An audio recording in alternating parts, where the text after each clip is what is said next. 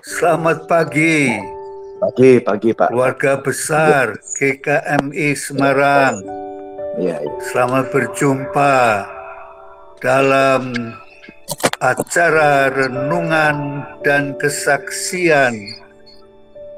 Pagi ini kita bersama membaca kebenaran firman Tuhan yang akan saya bacakan dari surat Efesus pasal yang ke-6 mulai dari ayat 10 sampai kepada ayat yang ke-18. Pembacaan firman Tuhan dari Efesus pasal 6 ayat 10 sampai 18 yang dinyatakan demikian. Akhirnya, Hendaklah kamu kuat di dalam Tuhan, di dalam kekuatan kuasanya. Kenakanlah seluruh perlengkapan senjata Allah, supaya kamu dapat bertahan melawan tipu muslihat iblis. Karena perjuangan kita bukanlah melawan darah dan daging, tetapi melawan pemerintah-pemerintah, melawan penguasa-penguasa, melawan penghulu-penghulu dunia yang gelap ini, melawan roh-roh jahat di udara. Sebab itu, ambillah seluruh perlengkapan senjata Allah, supaya kamu dapat mengadakan perlawanan pada hari yang jahat itu, dan tetap berdiri sesudah kamu menyelesaikan segala sesuatu. Jadi berdirilah tegap, berikat pinggangkan kebenaran, dan berbaju sirahkan keadilan. Kakimu berkasutkan keselamatan untuk memberitakan Injil. Kerelaan untuk memberitakan Injil damai sejahtera. Dalam segala keadaan, Pergunakanlah perisai iman, sebab dengan perisai itu kamu akan dapat memadamkan semua panah api dari si jahat. Dan terimalah ketopong keselamatan dan pedang roh, yaitu firman Allah, dalam segala doa dan permintaan. Berdoalah setiap waktu di dalam roh, dan berjaga-jagalah di dalam doamu dengan permohonan yang tak putus-putusnya untuk segala orang kudus. Sampai di sini pembacaan firman Tuhan dari Efesus pasal 6 ayat 10 sampai 18. Yang diberkati adalah semua kita sesudahnya mendengar firman Tuhan, kemudian memeliharakan baik-baik dan melakukan dalam hidupnya setiap hari. Amin. Kita berdoa. Bapa di surga, di pagi yang indah dan cerah ini kami mempersembahkan syukur bahwa kami bangun dengan kesehatan dan kekuatan dalam perlindungan Tuhan. Semalam kami mendapatkan istirahat dengan tidur cukup dan kami di dalam perlindungan Tuhan bangun untuk bersama-sama merenungkan kebenaran firman Tuhan yang pagi ini hambamu mendapatkan suatu pelayanan untuk menyampaikan kebenaran firman Tuhan dan kesaksian. Urapilah kami ya Roh Kudus agar dalam waktu yang singkat ini firman Tuhan benar-benar menjadi suatu dasar kehidupan kami, kekuatan dan kami betul-betul mendapatkannya dalam hidup ini hari kepada hari. Dari hari-hari di tengah pelbagai macam pencobaan kehidupan, tipu muslihat iblis dan kami rindu agar supaya kami tetap mengalami hadirat Tuhan, penyertaan Tuhan. Inilah doa permohonan kami dalam nama Tuhan Yesus, Tuhan kami. Amin. Keluarga besar GKMI Semarang, kita semuanya pasti menghendaki agar kita kuat di dalam Tuhan, di dalam kekuatan kuasanya. Benar, karena kuasa Tuhan Yesus di langit dan di bumi ini begitu nyata dan menjadi suatu bagian dalam kehidupan kita yang percaya dan betul-betul kita mengalami kuasanya dan kasihnya yang belum pernah berubah. Kasihnya yang juga belum pernah terlambat untuk memberkati, menolong, memberikan kekuatan dan penghiburan bagi kita semuanya. Memang kita harus memastikan dalam kehidupan ini untuk kuat di dalam Tuhan, jasmani kita, demikian juga rohani kita. Artinya bahwa kehidupan semangat di dalam kami bersekutu, menyatakan iman kita, walaupun dengan chatting ataupun secara online. Kita bersyukur bahwa inilah perwujudan persekutuan kita yang kita adakan dari hari ke hari mulai pada hari ini dengan kebenaran firman Tuhan setiap pagi. Kita bersyukur untuk semuanya itu karena kehidupan itu ada suatu fakta yang terjadi yaitu bahwa kita mengalami dan kita menghadapi suatu perjuangan. Perjuangan iman perjuangan kehidupan. Itu dinyatakan dalam ayat 12 bukan melawan darah daging artinya bukan kepada sesama manusia tetapi melawan pemerintah-pemerintah melawan penguasa-penguasa melawan penghulu-penghulu dunia yang gelap ini melawan roh-roh jahat di udara. Luar biasa perjuangan yang kita hadapi. Dan itu terjadi dalam kehidupan. Peristiwa-peristiwa di mana banyak saudara-saudara seiman kita pada waktu masa pelayanan saya di GKMI Semarang dari beberapa gereja, saudara-saudara seiman kita ada yang menyerahkan jimat-jimatnya. Tipu muslihat iblis. Mereka membeli jimat-jimat sehingga sebanyak satu keranjang pada suatu pagi orang saudara seiman ini dari warga gereja Katolik datang ke GKMI Semarang waktu itu masih di Saidan nomor dua. Karena saya menjadi gembala jemaat di situ. Dan dia menyerahkan satu keranjang jimat-jimatnya itu yang dibeli dari Gunung Kawi.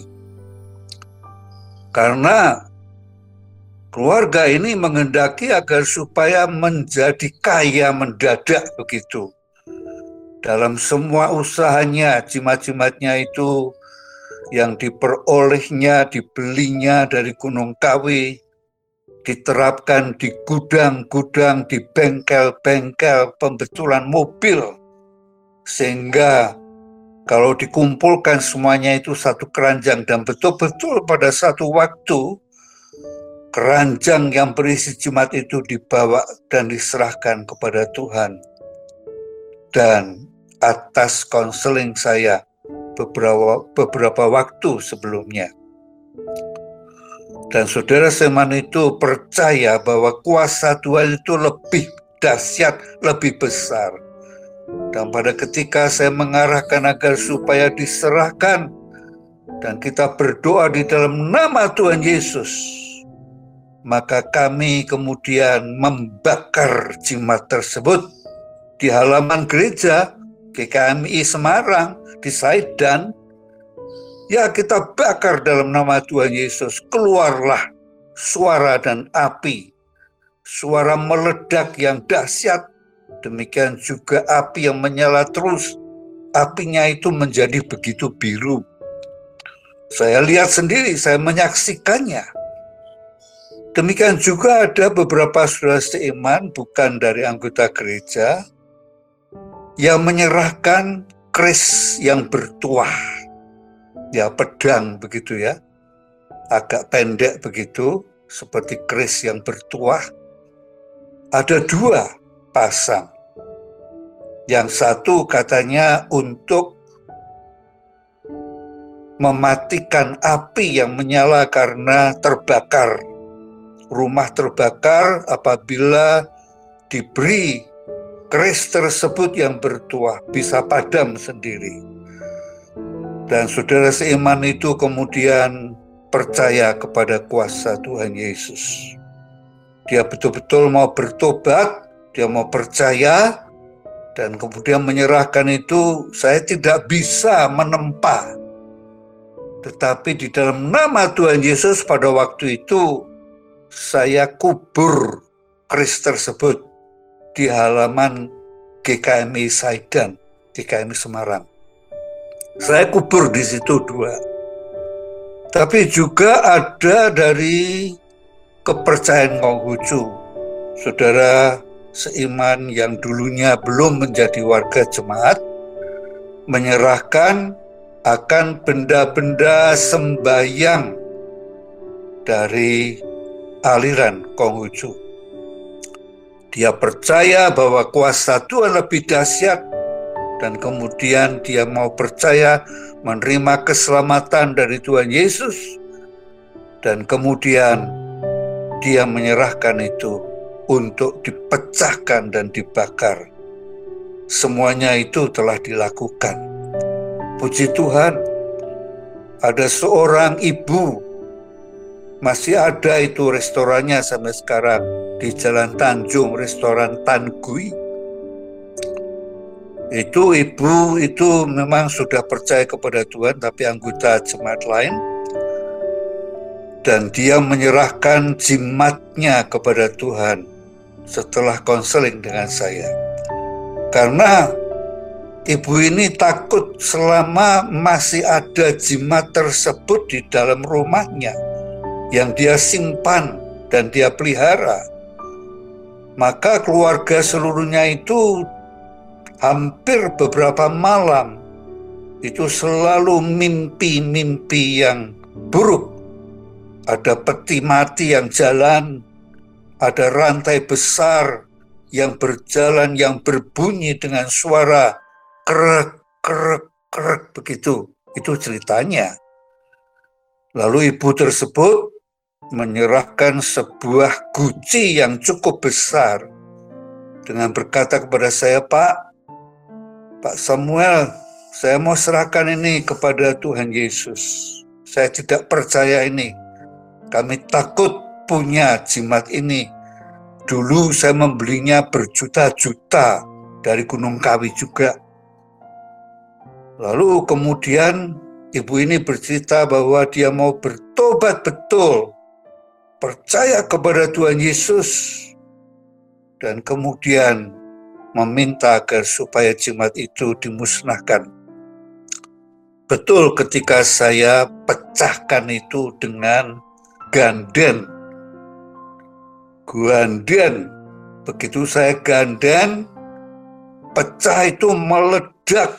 Ada suara tetapi juga tiba-tiba mengeluarkan api biru. Dan ibu itu berteriak, Gimana kalau kami mati? Tidak, Tuhan Yesus lebih berkuasa memberikan kehidupan. Karena kuasa Tuhan Yesus itu mematahkan, melenyapkan, menghancurkan tipu muslihat iblis. Dan memang itu terjadi. Setelah semuanya itu dilakukan, keluarga ini menjadi damai sejahtera. Kehidupan imannya bertumbuh, dan dia memang masih terus melanjutkan sebagai anggota jemaat lain. Ini beberapa kesaksian yang menyatakan bahwa apabila kita mulai dengan mengenakan dan memakai seluruh perlengkapan senjata Allah, maka kemudian dimulai dari ayat yang ke-14. Apa senjata Allah itu? Senjata rohani yang harus kita kenakan di dalam kehidupan seseharian kita. Ayat 14 dikatakan, jadi berdirilah tegap, berikat pinggangkan kebenaran, dan berbaju sirahkan keadilan. Berikat pinggangkan itu artinya sabuk ya. Sabuk kebenaran itu menjadi suatu tanda bahwa di waktu seseorang siap siaga mengerjakan pekerjaannya, maka dia harus mengikat pinggangnya, tetapi ikat pinggang kebenaran bukan sabuk-sabuk biasa yang seperti saya kenakan di waktu memakai menggunakan celana. Celana panjang tentu pakai sabuk, tapi sabuk ini dinyatakan sabuk kebenaran. Kebenaran ini bukan berarti kebenaran dirinya sendiri, tetapi kebenaran yang berasal dari kebenaran firman Tuhan dan sekaligus dinyatakan berbaju sirahkan keadilan. Baju sirah. Ini kalau zaman sekarang itu sepertinya kok ya seperti jas anti peluru itu ya. Tetapi berbaju sirahkan keadilan. Di dalam bahasa Yunaninya digunakan kata dikaiosune. Ini suatu kata yang sulit untuk dibahasa Indonesia kan karena memang terdiri dari dua pemahaman yaitu adil dan benar. Dalam kehidupan kita menjadi anak-anak Tuhan, keluarga besar GKMI Semarang, kita harus mengenakan bagian ini sebagai senjata rohani yang Tuhan berikan di dalam hidup kita, yaitu kebenaran ilahi yang ada, yang kita terjemahkan di dalam perkataan dan perbuatan kita, dalam kita melakukan semua aktivitas dan pengabdian pelayanan kita, semua usaha dan bahkan pekerjaan kita, kehidupan keluarga kita, memang semuanya kita perlu dan harus menggunakan baju sirah. Baju sirah adil dan benar ini. Ayat 15 menyatakan, Kakimu berkasutkan kerelaan untuk memberitakan Injil damai sejahtera. Sepatu, sahabat, saudara, keluarga besar GKMI Semarang, sepatu kerelaan untuk memberitakan Injil damai sejahtera. Memang sepatu kita pakai bukan setiap hari. Sepatu sebagai alat untuk kita memang berjalan. Tapi perjalanan hidup kita ini menjadi orang-orang percaya adalah memberitakan Injil memang di masa pandemi ini kita mengalami kesukaran, kesukaran demi kesukaran banyak. Kita tidak bisa pergi door to door sekalipun karena masa COVID-19 memang sangat mengerikan pada hari-hari ini. Tetapi inilah yang perlu kita kenakan. Kita pakai sepatu iman itu, memberitakan Injil melalui kesaksian kehidupan kita setiap hari. Mulai dari keluarga kita, ya kita sebagai orang tua, ayah, ibu, anak-anak semuanya harus mengenakan sepatu kerelaan untuk bersaksi menjadi orang-orang percaya, menjadi murid Tuhan dan membawa damai sejahtera. Injil perdamaian adalah membawa damai sejahtera seperti yang dinyatakan oleh Tuhan Yesus. Diberkatilah setiap orang yang membawa damai karena ialah yang mewarisi bumi ini. Luar biasa. Luar biasa. Ayat 16 dikatakan, dalam segala keadaan pergunakanlah perisai iman. Tameng, saudara. Iman, perisai iman. Iman itu menjadi tameng, penangkis. Sebab dengan perisai itu kamu akan dapat memadamkan semua panah api dari si jahat. Memang perang santet sampai pada hari ini itu banyak. Tipuan-tipuan muslihat iblis itu banyak sekali terjadi di mana-mana.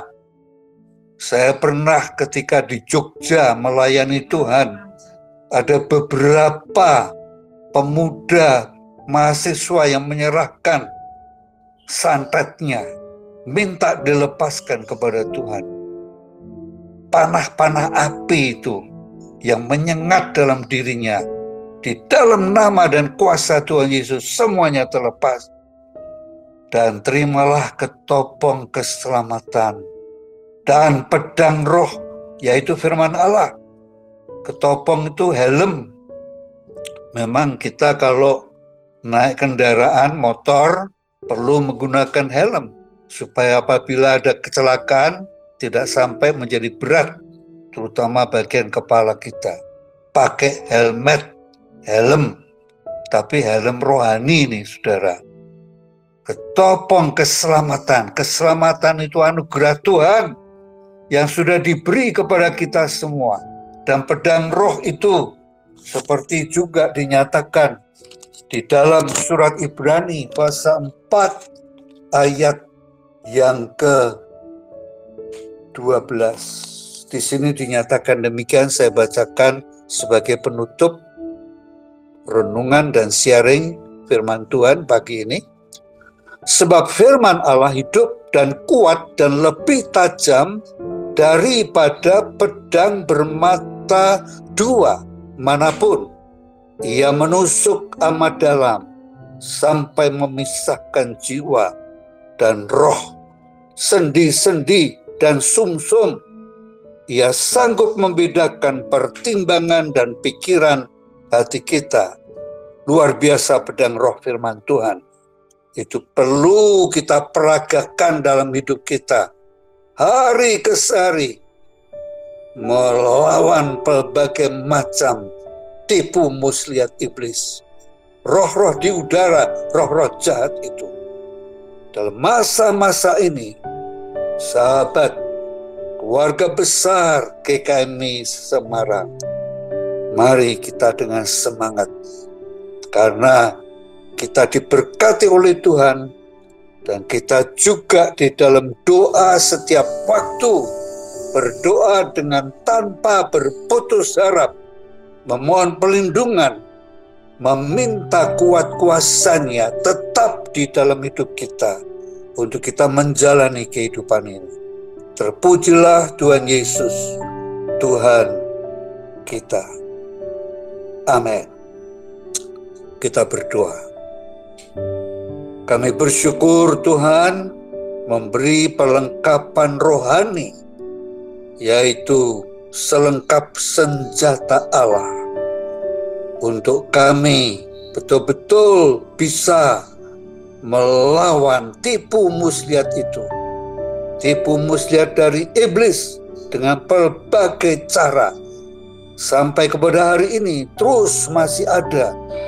Bagaikan singa yang mengaum-ngaum mencari siapa yang lengah dan siapa yang dapat menjadi mangsanya. Kami mohon perlindungan Tuhan, kami mohon penyertaan kuasa Tuhan Yesus. Hari ini, hari-hari di depan kami, untuk seluruh keluarga besar GKM Semarang. Kami persembahkan doa dan permohonan dan syukur di dalam nama Tuhan Yesus Kristus, Tuhan kami. Amin.